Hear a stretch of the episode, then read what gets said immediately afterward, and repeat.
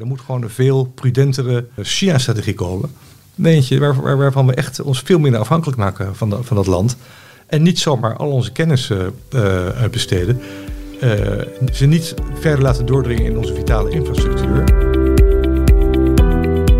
Welkom bij Bruxelles, de podcast van EW over de Europese Unie. Matthijs van Schie en correspondent René van Rijkenvorsel bespreken actualiteit en achtergronden van de EU-politiek in Brussel. René, alweer de vijftiende aflevering van Bruxelles vandaag. Hartelijk welkom. Hoi Matthijs. Ja, een aantal afleveringen geleden maakten wij een uh, toespeling op uh, de gure herfst uh, en de ijskoude winter die ons te wachten stonden. Nou, wat betreft die gure herfst valt het tot nu toe erg mee. Geniet jij in Brussel ook zo van de aangename herfsttemperaturen? Ligt natuurlijk een beetje aan of je het letterlijk of figuurlijk ziet. Want de herfst is natuurlijk wel vrij guur als je kijkt naar politieke, de politieke ontwikkelingen. En als je kijkt naar wat er gebeurt in Oekraïne. Dat ook helemaal geen einde aan die oorlog nog voorlopig uh, in zicht is. Uh, ja, die guurheid is er nog wel. De guurheid over de energieprijzen. we zitten allemaal zitten we, zitten nu met, met, uh, in huiskamers waar het 16 graden is maximaal. In plaats van comfortabele 20 graden. Omdat we allemaal rekening houden met het ergste. En bang zijn dat we te veel gaan betalen. Uh, dus ik vind het toch wel redelijk guur. En buiten is het vaak lekker, inderdaad lekker. Ik, uh, mijn, uh, mijn huis in Brussel ligt niet echt, ja, ligt op het zuidwesten. Maar er zijn bomen in mijn, in mijn laan en ik vang weinig zon, dus het is best koud binnen. En als je dan naar buiten gaat, is het vaak buiten aangenamer ja. dan binnen. Dus ik kan beter buiten gaan werken eigenlijk. Want je legt ja, op een bankje. Wel, ja. ja. Tussen de oude dametjes daar, ja. Ja.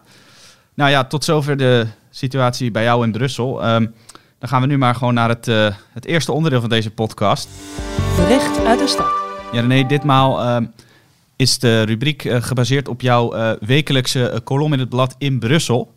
En die is getiteld uit het afgelopen nummer Best knap hoe het Europarlement keer op keer negatief in het nieuws komt. Nou, dat hebben we inderdaad vaker gehoord, dat het Europarlement er niet zo goed vanaf komt. Wat is er nu aan de hand? Het gaat eigenlijk over gebouwen dit keer. Uh, het is eigenlijk, de vraag is eigenlijk die ik hier niet ga beantwoorden, maar wel ga stellen, is van hoe lang blijft het Europees Parlement nog in Brussel? En het gaat eigenlijk over uh, het, het, hoofdgebouw van, de, van het Europees Parlement in Brussel. Dat is het de Spaakgebouw. Dat is vernoemd naar Paul-Henri Spaak. een, Britse, Britse, of een Britse, Belgische politicus, die ook nog secretaris-generaal van de NAVO is geweest en heel veel dingen voor de EEG heeft betekend. En in dat Spaakgebouw zit de zogenaamde hemicycle. En dat is het, de grote zaal eigenlijk, de, waar de plenaire vergaderingen in Brussel kunnen plaats hebben. Meestal zijn die plenaire vergaderingen in, trouwens in, um, in Straatsburg, maar ook geregeld. Bijvoorbeeld toen Zelensky op 1 maart het Europees Parlement toesprak, was dat, uh, was dat in Brussel. En als er staatslieden, zoals onlangs Trudeau van Canada, het Europees Parlement toespreken en op een dag er zijn dat, dat de parlementariërs in Brussel zijn, dan gebeurt het ook in die zaal. Dus die zaal wordt degelijk goed benut. Maar het gebouw dat is uh, uit 1992, dat is dus 30 jaar oud, maar dat is al aan, aan enige opknapperijen toe.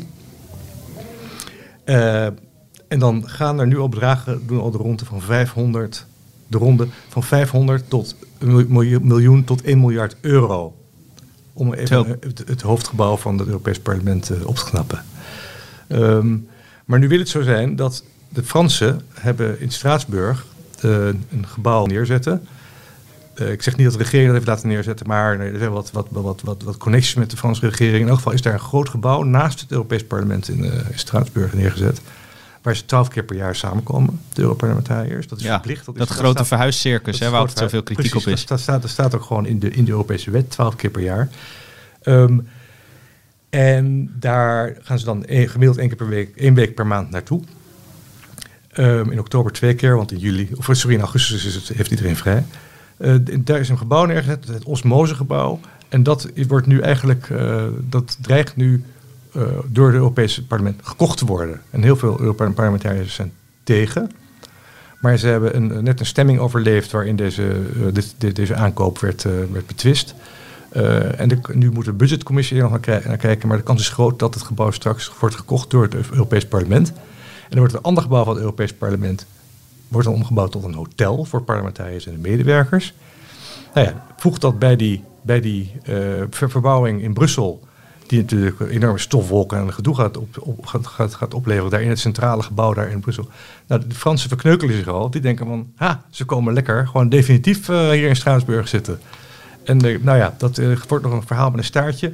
Maar het zou, ja, het zou best kunnen inderdaad dat Straatsburg dus veel meer de hoofdzetel gaat worden.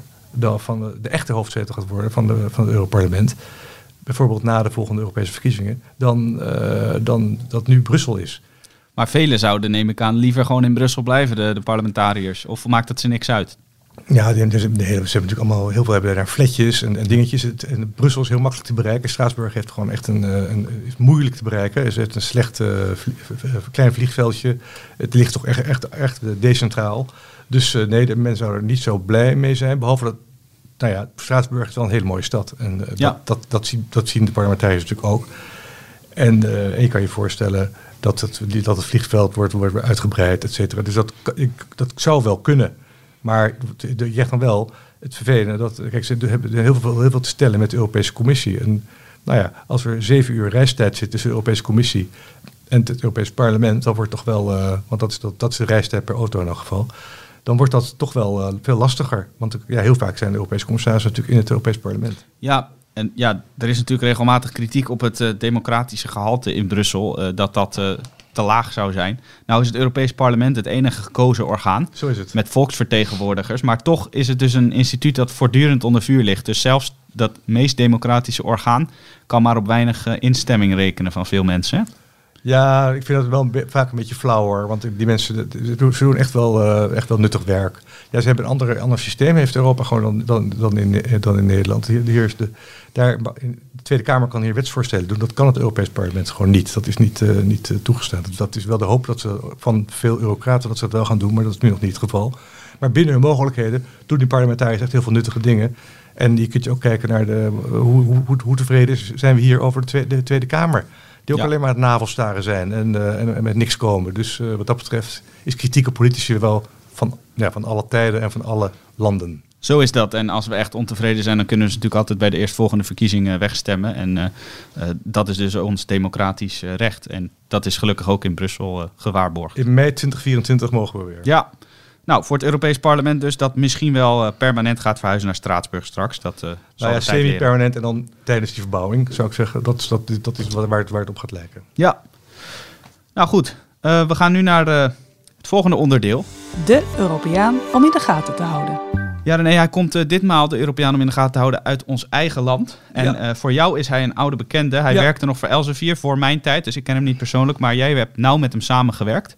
Ja. Om wie gaat het? Ja, het is een schrijver die is gefascineerd door de sluipende machtsovername door, door Brussel. En al, al vrij lang. En het is uh, ja, mijn goede bekende Leon de Winter. Leon, die kennen de meeste luisteraars, mag ik aannemen, wel. misschien ook wel zijn boeken. Hij heeft echt een, echt een, echt een reeks zeer onderhoudende en spannende boeken geschreven in de loop der jaren. Ik ben fan van hem. Ik ben fan van zijn manier van schrijven. Uh, ik, ben, uh, uh, ja, ik, ik heb eigenlijk al zijn boeken verslonden. En ik ben nu zijn laatste boek aan het verslinden. En daarom is hij Europeaan om in de gaten te houden. Dat boek heet Het Lied van Europa. En voordat ik over verder ga, eerst eventjes meer over de fascinatie van Leon met, met alles wat er gebeurt in, in Brussel. Hij heeft voor de KPN heeft hij de ook wel ja, vermakelijke, of vermakelijk is misschien niet het goede woord, maar de, de, de onderhoudende serie politieke thriller Brussel gemaakt. Dat was in 2017. Dat is een, volgens mij iets van zes afleveringen. Uh, dat is een, en dat is een, ja, een politieke thriller over de slangenkuil in de, in, de, in, de, in, de, in de Belgische hoofdstad. En het, ja, het was een serie waarin terrorisme en migratie en politiek, al die thema's die ook nu nog spelen, dat die samen, samenkomen. En het hoofdpersoon is daar Monique van Dalen. We komen dadelijk op haar terug, later in deze uitzending. Uh, en die is bestuurslid van een grote oliemaatschappij en die moet een contract binnenhalen en heeft dan weer steun van eurocommissaris nodig. Nou, het is echt een hele spannende, uh, niet altijd even goed, maar, maar, het is een zogenaamde mozaïekvertelling en daar is Leon sowieso goed in.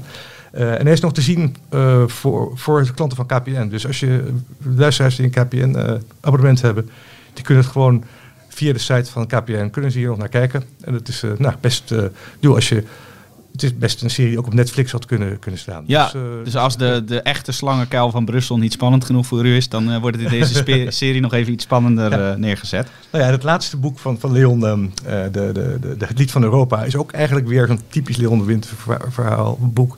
Ook een, ook een mozaïekvertelling met verschillende personen. Je weet eerst niet wat ze met, met elkaar te maken hebben. En langzaam maar zeker valt alles prachtig samen. Um, het is, een, uh, het is een boek dat zich afspeelt in de toekomst. Het is een toekomstroman. En um, uh, nou, best een beangstigende toekomstroman eigenlijk. En uh, als ik eventjes mag voorlezen uit de, de, de recensie die onze Jeroen Vullings heeft geschreven... in het nummer van vorige week over dit boek... Um, Jeroen Vullings gaf, gaf, vier sterren aan het boek en was zeer positief. en hij noemt het een wervelende toekomstroman over een Europese superstaat... die totale controle uitvoert over de burgers dat is toch wel... Uh, het lijkt een beetje op uh, zo'n ander uh, boek wat heel uh, dystopisch is. 1984, nee, ja, deed zo, ja, de recensie ja, deed me daaraan denken. Precies. ja, dat is, dat is een aardige vergelijking. En we kennen Leon natuurlijk van zijn columns in de Telegraaf. Daar is hij ook altijd nogal, nou, wat jij dan dystopisch noemt. ik moet zeggen dat ik zijn ideeën en, en, en, verwachtingen beter altijd vind uitkomen in zijn romans dan in, zijn, in zijn columns in de Telegraaf nu. Maar uh, ik zal even de passage van Jeroen Vullings voorlezen, zoals ik zei, uh, hoe Europa er dan uitziet. Nou, alle parkeerplaatsen zijn opgeheven in de binnenplaatsen, binnensteden. Op de universiteit floreren transstudies en witte schuldstudies. Jonge mannen worden uit Noord-Afrika gehaald om hier te werken. De overheid huurt, huurt vakantieparken voor asielzoekers. Alleen de grote bedrijven maken nog winst. Misgenderen is een vergrijp. Alleen kunstmatig geproduceerd visvlees, de neo-haring, is te koop. Echt vlees is illegaal. Slechts ambtenaren, werknemers van multinationals en bestuurders hebben geen last van de economische crisis. Het Nationaal Centrum Informatie registreert alle communicatie in Nederland. Recht op privacy geldt als decadentie. En wie wil reizen, moet dat bekostigen met carbon credits. Klimaatpunten op zijn rekening hebben. Nou, jij zegt net, uh, de voorspellingen van Leon uit zijn romans komen altijd goed uit. Nou, nou daar schrik ik wel van deze passage. Dat zei ik niet, dat zei ik niet. Nee, nee, nee, nee, nee, nee ik hoop van niet. Maar goed, het is wel, sommige dingen het gebeuren nu eigenlijk ook al bijna. Weet je, de, de, eh, het huren van vakantieparken voor asielzoekers. Nee, daar zijn we niet ver, niet ver vandaan. Nee, transstudies dus, en witte schuldstudies, dat zie je ook wel op universiteiten. En, dit, en dit gaat dan over 2039, weet je wel. Dus, maar, eh, of, of zoiets. Dus, of, of later zelfs. Dus uh, bedoel, misschien dat het allemaal eerder al nog een paar van deze dingen gaan, uh, gaan geschieden. En ik zal nog even nog een, passage uit zijn boek uh, voorlezen. Wat van een uh, rookwarenwinkelier, Cor van Rekum. die zegt op een goed moment waarom legt hij uit waar de, waar, waarom eigenlijk de burger zo boos is. En hij zegt, wij zijn boos omdat alle pretenties over veiligheid en zekerheid, over het vernuft van de hoogopgeleide politici, over hun programma's en vergezichten, over het wegwuiven door de experts van de gevaren van inflatie, oorlog, vaccinaties, afschaffen van gas, klimaattransitie, omdat hun pretentie alles te weten en nooit te liegen niets anders dan luchtkastelen zijn. Nou, wij herkennen hier wel wat. We ja. herkennen Winter in. We herkennen ook de boosheid inderdaad en, en, van, de, van, van, van veel burgers. Het is herkenbaar in deze tijd zeker. Precies. Uh, het is een spannend boek. Ik moet zeggen, ik, eerst, ik heb het nog niet uh, helemaal uit. Ik heb het pas uh, eergisteren gekocht, maar ik ga het heel snel helemaal uitlezen. Maar ik vind het leuk om Leon ja, toch de, de Europeanen in de gaten te houden. En ik, ik heb nu 110 bladzijden, 120 bladzijden van dit boek gelezen. Het zijn er 400 uh, eh, zoveel. 432, 432 zie ik hier Nou, dat, uh, ik, ik, ik, kan nu al zeggen tegen de luisteraar, uh, als je een beetje van lezen houdt, pik even Leon de Winter mee in de boekhandel. Ja. We hebben net dit boek besproken waarin een weinig optimistisch toekomstbeeld wordt geschetst. En ik moet zeggen, een deel van wat ik hier hoorde net, wat jij voorlas, over hoe dat Europa van 2039 en later eruit ziet. Dat zien we nu al terug in een ander land, een groot en machtig land, namelijk China. En daar uh, gaan we het over hebben in uh, de hoofdmoot. Bruxelles, de hoofdmoot. Ja, René, in China werd op 23 eh, oktober andermaal duidelijk dat Xi Jinping en niemand anders het beleid daar bepaalt. Hij is voor een derde termijn benoemd als secretaris-generaal van de Communistische Partij. Dat is natuurlijk een bevestiging dat het land steeds dictatorialer wordt en dat ook nog even zal blijven. Hoe kijkt men daar in Brussel naar, naar die ontwikkeling? Ja, dat is een goede vraag. Want de, de, uh, eigenlijk wil ik het hebben over hoe de argeloze Europese Unie zich nog steeds uitlevert aan het rijk van uh, Xi Jinping. De, uh, de Green Deal, de haven van Rotterdam enzovoort. Dat kan allemaal niet zonder China. En intussen bespeurt China Europese burgers en bedrijven via scanapparatuur en camera's. En dringt het land steeds verder door in de vitale infrastructuur van, van Europa. Uh, en daar is eigenlijk, uh, om jouw vraag te beantwoorden, is eigenlijk uh, nou, matig aandacht voor. Er zijn wel er zijn politici die ervoor waarschuwen, onder andere Ursula von der Leyen, de commissievoorzitter. Maar als je zegt Brussel, Brussel wordt natuurlijk voor bepaald, de politiek van Brussel wordt voor een groot deel bepaald door de regeringsleiders. Ja. En as we speak, namelijk vandaag is het 3 november en morgen 4 november, uh, is uh, Olaf Scholz, de, de Duitse bondskanselier, op bezoek in China om zoete broodjes te gaan bakken met, uh, met Xi Jinping daar. Hij gaat ze daar niet vertellen wat ze allemaal verkeerd doen. Hij, gaat, nou, hij heeft vandaag een stuk geschreven, wat ook op een opiniestuk wel op de website Politico geschreven. Hij gaat wel, hij, gaat, hij zegt, ik ga ook wel vertellen wat ze daar niet goed doen. Dat zegt okay. hij, en dat, dat geloof ik ook wel. Maar kijk, de Duitse economie heeft, heeft China nodig als afnemer van uh, alle BMW's, Mercedes, uh, Audi's uh, en andere mooie automobielen die er worden gemaakt. En ja, als dat wegvalt, dan heeft de Duitse economie een probleem. Dus, dus, er, en, dus de Duitsers zijn heel erg geneigd om ja, die vrijhandel met China overeind te houden. Ja, want je noemt net alleen nog maar die, die auto-industrie, maar er zijn nog ontzettend veel andere aspecten waarin Europa eigenlijk niet om China heen kan. Hè? Nou, dat is, China heeft, Xi Jinping heeft gezegd dat ze gewoon in 2049, dat is maar 27 jaar van nu, willen zij uh, economisch en militair de, de wereldheerschappij hebben. Nou, dat is wel, dat is wel wat. En uh, daar, ze zijn gewoon echt met, met, met, met die horizon zijn ze gewoon bezig om uh, zich uh, om overal te infiltreren uh, in de vitale infrastructuur ook overal ter wereld, ook in Afrika en ook andere, nou, Azië uiteraard, maar ook in de vitale infrastructuur van Europa.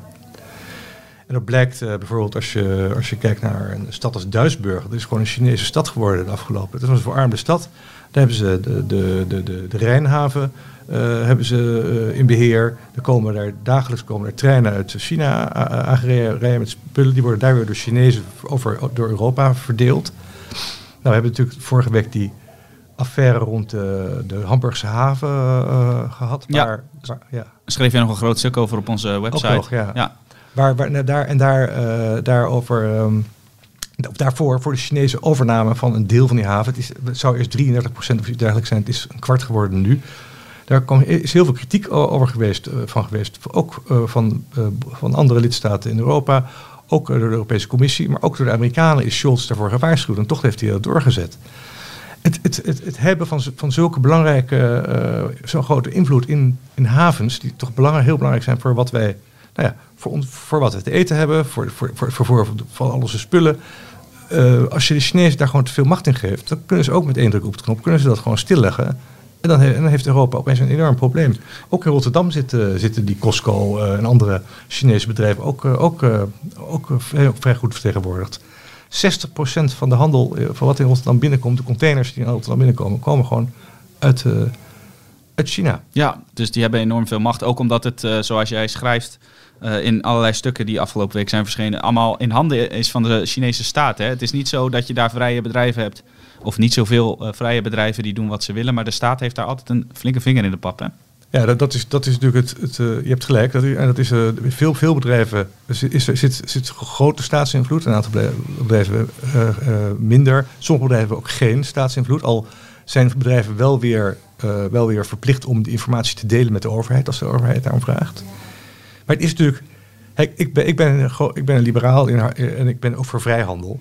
Maar het is heel moeilijk om te, om vrijhandel te bedrijven met een land dat uh, een, staatsgeleide uh, economie is. En China kan dan een heleboel bedrijven op de been houden met, met overheidsgeld. En die kan met dat overheidsgeld hier gaan investeren en hier dingen gaan kopen.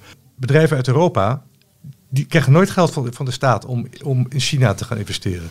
Uh, bedrijven uit Amerika ook niet. Dus die moeten allemaal met hun eigen centen doen. Het is precies hetzelfde met de, wat, er, wat je ziet in de luchtvaart. Hè. Dat, er, dat ja, sommige bedrijven, luchtvaartbedrijven krijgen geen, kan je trouwens van de KLM niet meer zeggen, maar geen staatssteun. En, uh, en die moeten concurreren met die, met die, met die Etihads en dergelijke van, uit, uit, uit, uit, de Emiraten, die uh, wel allemaal geld van de overheid krijgen. Ja, ze hebben het in Brussel en ook in andere westensteden natuurlijk vaak over het level, level playing field. Ja, maar dat is, dat is in de relatie Europa-China absoluut niet aanwezig. Als, als, als, een, als een Europees bedrijf een Chinees bedrijf wil, in China wil, wil, wil overnemen, dan moet dat altijd in de vorm van een joint venture. Dus moet altijd 50-50. Dat mag gewoon niet. Hier kan een Chinees bedrijf gewoon uh, een, een, een, heel Nederlands bedrijf uh, kopen.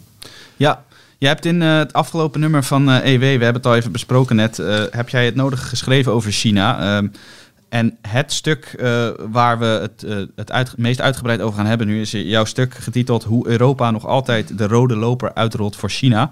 Jij beschrijft daar tien zwakke plekken in het Europese bastion. Ja, je hebt er al een aantal genoemd, maar we kunnen er nog een paar doorlopen.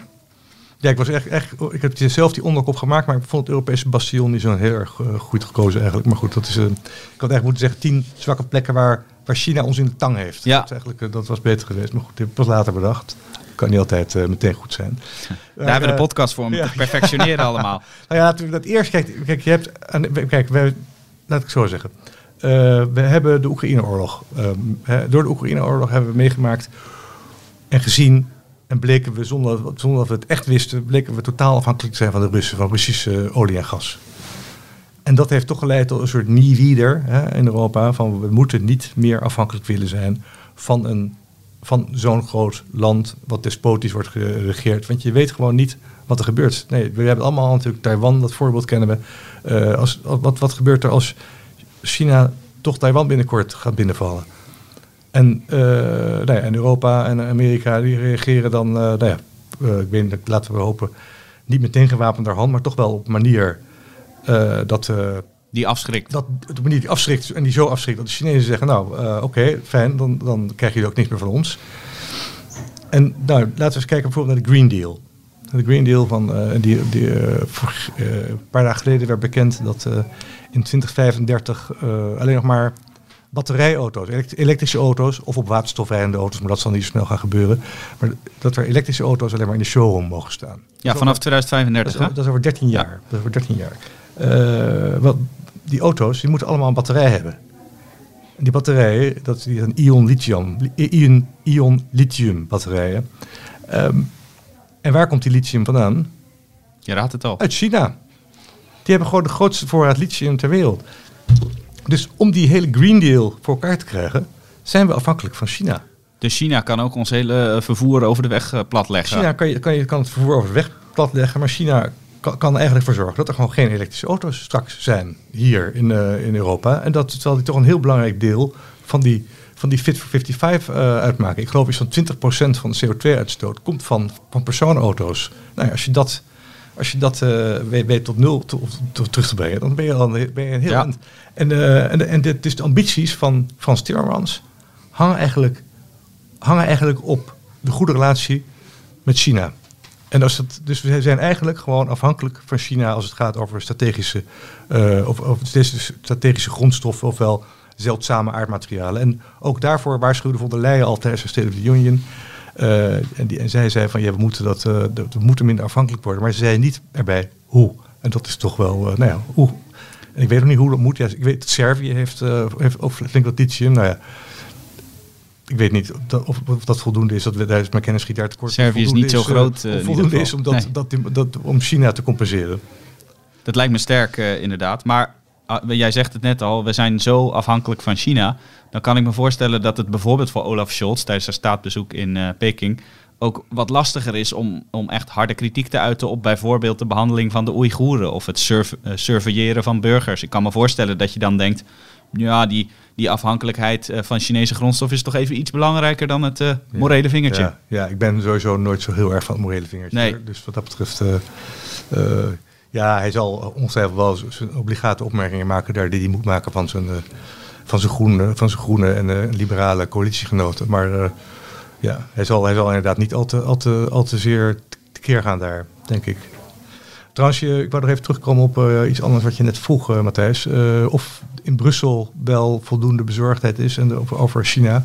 Nou, ik noemde von der al, maar ik wil ook wel twee uh, Nederlandse Europarlementariërs uh, alle credits geven. Uh, die wel degelijk, die mij ook op dit verhaal hebben gezet eigenlijk. Wat ik vorige week na lang uitstellen en zwoegen heb, heb geschreven. Ja, je Wat- zei het aan het eind van de vorige wat, podcast. Wat, gelukkig op, wat gelukkig op het juiste moment Ja. precies is verschenen. Daarmee ben ik wel weer blij mee. Het moest zo zijn, hè? Xi Jinping werd benoemd Ja, en eh ja, de dus- week daarna jouw grote stuk eh, over China. Ja, dus dat ging goed. Maar eh, dat zijn twee eh Europarlementariërs, namelijk de, de VVD'er Bart Groothuis, oud-MIVD'er, en de, de, de, en de CDA'er Tom Berendsen. En die zijn alle twee echt heel, eh, nou die lopen echt op, op alles vooruit eh, als het gaat om, eh, om het wijzen van te, veel overleveren aan China door, eh, door Europa. Ja, zo, zo bewijzen zij eigenlijk wel wat we hiervoor al zeiden. Dat de, de Europarlementariërs ook heel veel eh, goed eh, werk verrichten. Dat laten ze zien met al hun kennis Ja, die ze jou bieden over China. Dat vind ik ook, want ik vind het heel te, te makkelijk om die mensen allemaal te debunken, terwijl dat,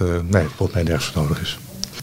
Ja, ook nog, waar we, ook nog afhankelijk zijn, de schepen die worden gebouwd. In, ehm, daar, daar, daar, waarschuwde professor eh, Jonathan Holslag, die ook blogt op onze, of ook een column heeft op onze website. eh, die, die, eh, die heeft daar een rapport over laten uitgaan net. Ja, hij is China-kenner. En China, zeker China-kenner. Eh 60% van de, van de scheepsbouw komt ook dus van de schepen die, die we rondvaren, komen uit, worden in- gebouwd in China. Die grote schepen. Dus als, kijk, als, die, als we die opeens niet meer krijgen, dan hebben we ook geen schepen meer om mee te varen.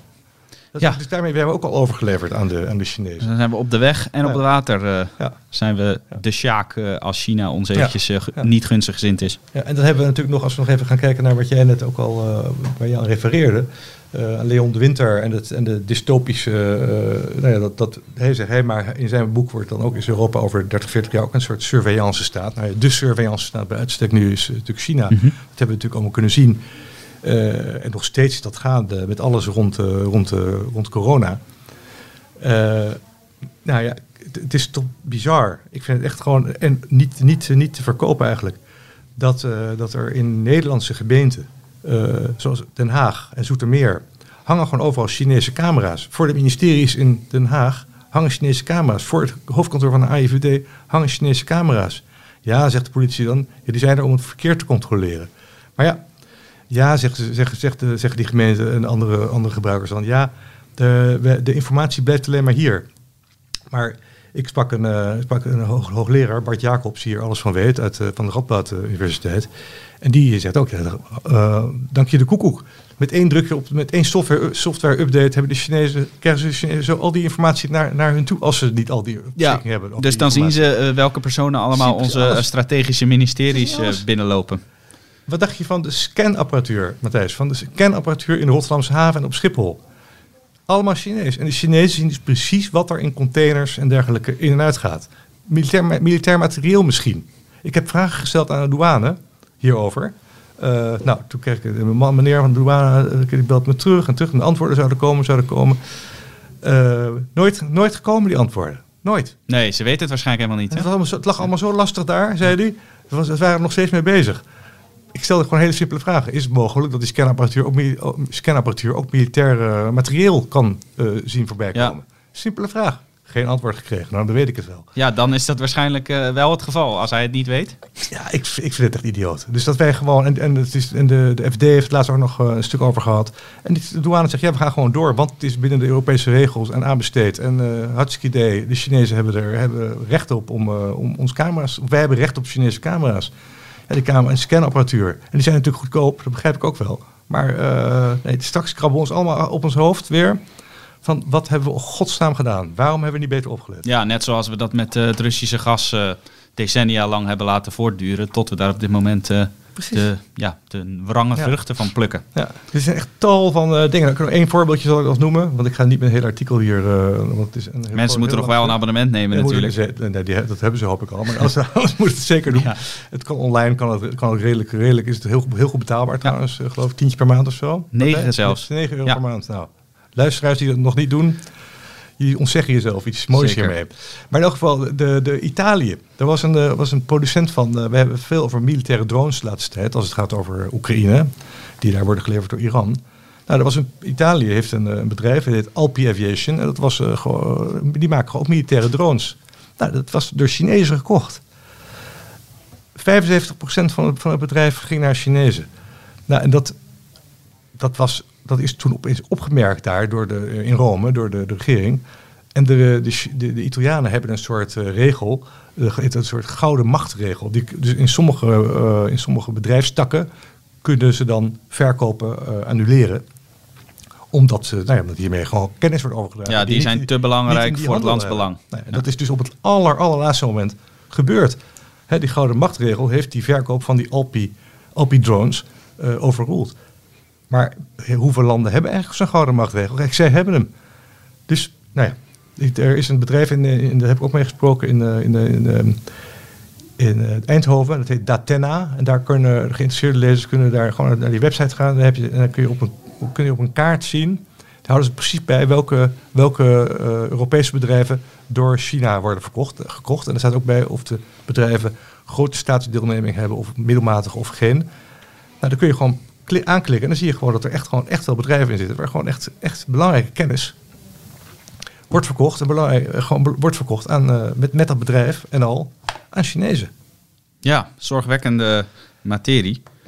Ja. Um, Gelukkig hebben we dus een aantal Europarlementariërs namens Nederland uh, die, uh, die hier bovenop zitten. Uh, Bart Groothuis van de VVD en Tom Berends van het CDA. Ja, en uiteraard ook uit andere landen. Hè. Uit andere landen, ja. ja. Maar die heb jij in dit geval niet dit gesproken. De, ja. de Nederlanders gesteerd, ja. Ja, maar goed, wat jij zegt, Europees beleid wordt voor een belangrijk deel bepaald door de, door de regeringsleiders, door de, door de lidstaten zelf. En natuurlijk door de, door de commissie. De commissie zit er wel aardig bovenop hè, met uh, ja. Ursula von der Leyen. Ja, maar Ja. Toen, de, toen de Europese Raad onlangs in Brussel bijeen was, hebben ze ook drie uur lang gepraat over, over China. Over een nieuwe China-strategie. Die oude China-strategie die dateert, nog, dateert uit 2019. En daar wordt China een, een concurrent en een strategische partner of zoiets genoemd. Dus het is heel braaf. Ja, een beetje dubbel. eh, Concurrent, en, strategische er partner. Moet, er moet gewoon, daartoe heb ik ook opgeroepen uh, vorige week, en komt, waarvan we echt ons veel minder afhankelijk maken van, de, van dat land. En niet zomaar al onze kennis uh, uh, besteden. ze niet verder laten doordringen in onze vitale infrastructuur. Ik heb het nog niet eens over energie gehad, waar ze ook in zitten. En, en dat we ook een soort level playing field eisen als het gaat om investeren. Kijk, als, we, als we, zij, wij alleen maar in joint ventures daar mogen zitten. Nou, dan zou je zeggen, dan mag, zouden zij hier ook niet 100% het bedrijf moeten mogen kunnen nee, overnemen. met gelijke munt terugbetalen. Ja, en, dat, en dat, zullen, dat zullen ze ook best wel begrijpen. Nou, gratis tips van uh, René aan uh, de Europese regeringsleiders, aan de Europese Commissie. We gaan uh, zien of ze die ter harte nemen. En als ze jouw artikel lezen, dan zijn ze in ieder geval op de hoogte van de tien zwakke plekken ja. ja. die Europa heeft tegen, tegenover China. Dus nou ja, ze, ze kunnen aan de slag. Um, over die Europese Commissie, daar uh, hebben we het de vorige aflevering uh, uitgebreid over gehad. En daarom uh, staat onze laatste rubriek stond ook in het teken van die Europese Commissie. De quizvraag. Op zoek naar drie Nederlandse eurocommissarissen. En de vraag die luidde als volgt. Nederland heeft drie eurocommissarissen gehad. Die waren belast met mededinging. Wie was de eerste? Aan jou de eer om het antwoord te onthullen. Dat was uh, Emmanuel, ofwel Maan Sassen. Ja, dat was de eerste. En wie waren de andere twee, Matthijs? Ja, dat weet ik wel, want we hebben twee inzenders gehad die uh, het goede antwoord hebben gegeven. En die hebben die andere twee er gelijk uh, bijgenoemd. Frans Andriessen. En Nelly Kroes. Nou, die laatste die, die wist ik natuurlijk wel. Maar twee inzenders dus die alle drie de namen goed hebben genoemd. Dus die hebben extra hun best gedaan. Ja. Verdienen daarom dus extra Top. de prijs die ze toegestuurd gaan krijgen. Tijn Keizer uit Schaik en Misha Kroes, woonplaats nog onbekend. Maar we hebben contact en dan krijgt u de speciale editie Europese Unie thuisgestuurd. Van harte. Ja, gefeliciteerd allebei. En dan gaan we nu natuurlijk naar de nieuwe quizvraag om mee af te sluiten. En die heeft ditmaal te maken met de Europeaan om in de gaten te houden. René, vertel. Ja, ik zinspeelde net al erop. maar de vraag is, welke bekende Nederlandse actrice speelt de rol van Monique van Dalen in Leon de Winters serie Brussel? Dus nogmaals, welke Nederlandse actrice, ze is vrij bekend, speelt de rol van Monique van Dalen in Leon de Winters serie Brussel? Nou ja, daar kunt u natuurlijk op meerdere manieren achterkomen. Eén daarvan is als u KPN-klant bent, om dan de serie nog eens uh, terug te gaan kijken. En uh, nou ja, de antwoorden kunnen dus naar bruxelles.ewmagazine.nl.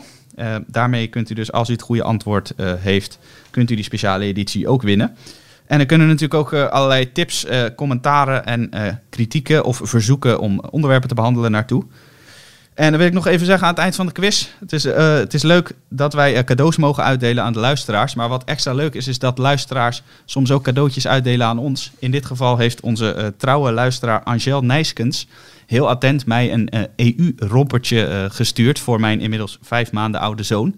Ontzettend bedankt, Angel. Helaas past hij hem niet meer, want hij was eigenlijk in de kleinste maat. En ja, baby's, vooral als ze zo klein zijn, groeien hard. Maar het gebaar wordt ontzettend gewaardeerd. En er komt toch wel nummer twee, eh, Matthijs, bij elkaar nemen? Ja, dan, als die er komt, dan uh, gaat dat rompertje, dat kan dan, zo aan. Dan wordt er meteen een hele echte EU-burger. Een echte EU-burger, inderdaad. Ja, dat klopt. Uh, nou, bedankt dus. En aan de andere luisteraars, als u ons nou ook een cadeautje wilt sturen, dan mag dat natuurlijk altijd.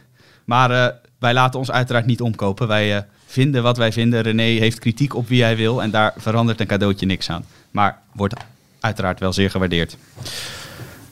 Uh, René, we zijn uh, aan het einde gekomen van de podcast. En traditiegetrouw sluit ik dan natuurlijk altijd af met de vraag uh, waar jij je de komende tijd mee bezig gaat houden daar in Brussel. Ja, ik ga wat kerstinterviews maken de komende tijd. En ik ga mij storten, dat doe ik samen met mijn, collega, mijn collega's, moet ik zeggen, Gert-Jan van Schoonhoven en Nart Lodewijk, op asielmigratie. En dan ga ik alles, de Europese componenten van asielmigratie, ga ik, ga ik leveren. En gaan daar, als het goed is, gaan we daar begin volgend jaar weer zo'n beroemde 111 vragen over uh, cover uh, over publiceren. Dus dat, daar ga ik ook in duiken. En um, ik heb ook nog een, oh, nee, ik heb een paar interviews op de rol, maar ik ga niet alles nu vertellen. Ik ga je nog niet verklappen, hè? Nee, nee, nog een verrassing zijn. Maar het is allemaal, er is genoeg te doen. Ja, je hoeft je niet te vervelen. En dus al die vragen over asiel, die ga je allemaal beantwoorden. Het zijn vragen die bij heel veel Nederlanders leven en ook zeker bij ons op de redactie al jaren met zorg worden gevolgd. Dus dat leest u over een paar maanden in EW. Nou René, bedankt voor jouw tijd. Ja, mijn plezier. Ja, was weer een, uh, een leuk gesprek. En um, volgende maand uh, om deze tijd ongeveer zijn hebben we er weer. Ja, zijn we er weer. Dus uh, dank voor het luisteren allemaal. En hopelijk blijft u dat met plezier doen. Tot de volgende keer. Dag. Dag. Hartelijk dank voor het luisteren naar Bruxelles, de podcast van EW over de Europese Unie. Wilt u de artikelen lezen die Matthijs en René zojuist hebben besproken? De links zijn te vinden in de beschrijving. Meer podcasts van EW luisteren? Ga dan naar ewmagazine.nl/slash podcast. Vergeet ons ook niet te volgen op Facebook, Twitter en Instagram via ewmagazine.nl. Heeft u interesse in een abonnement op EW, digitaal of ook op papier? Kijk dan op ewmagazine.nl/slash abonneer. Graag tot de volgende keer.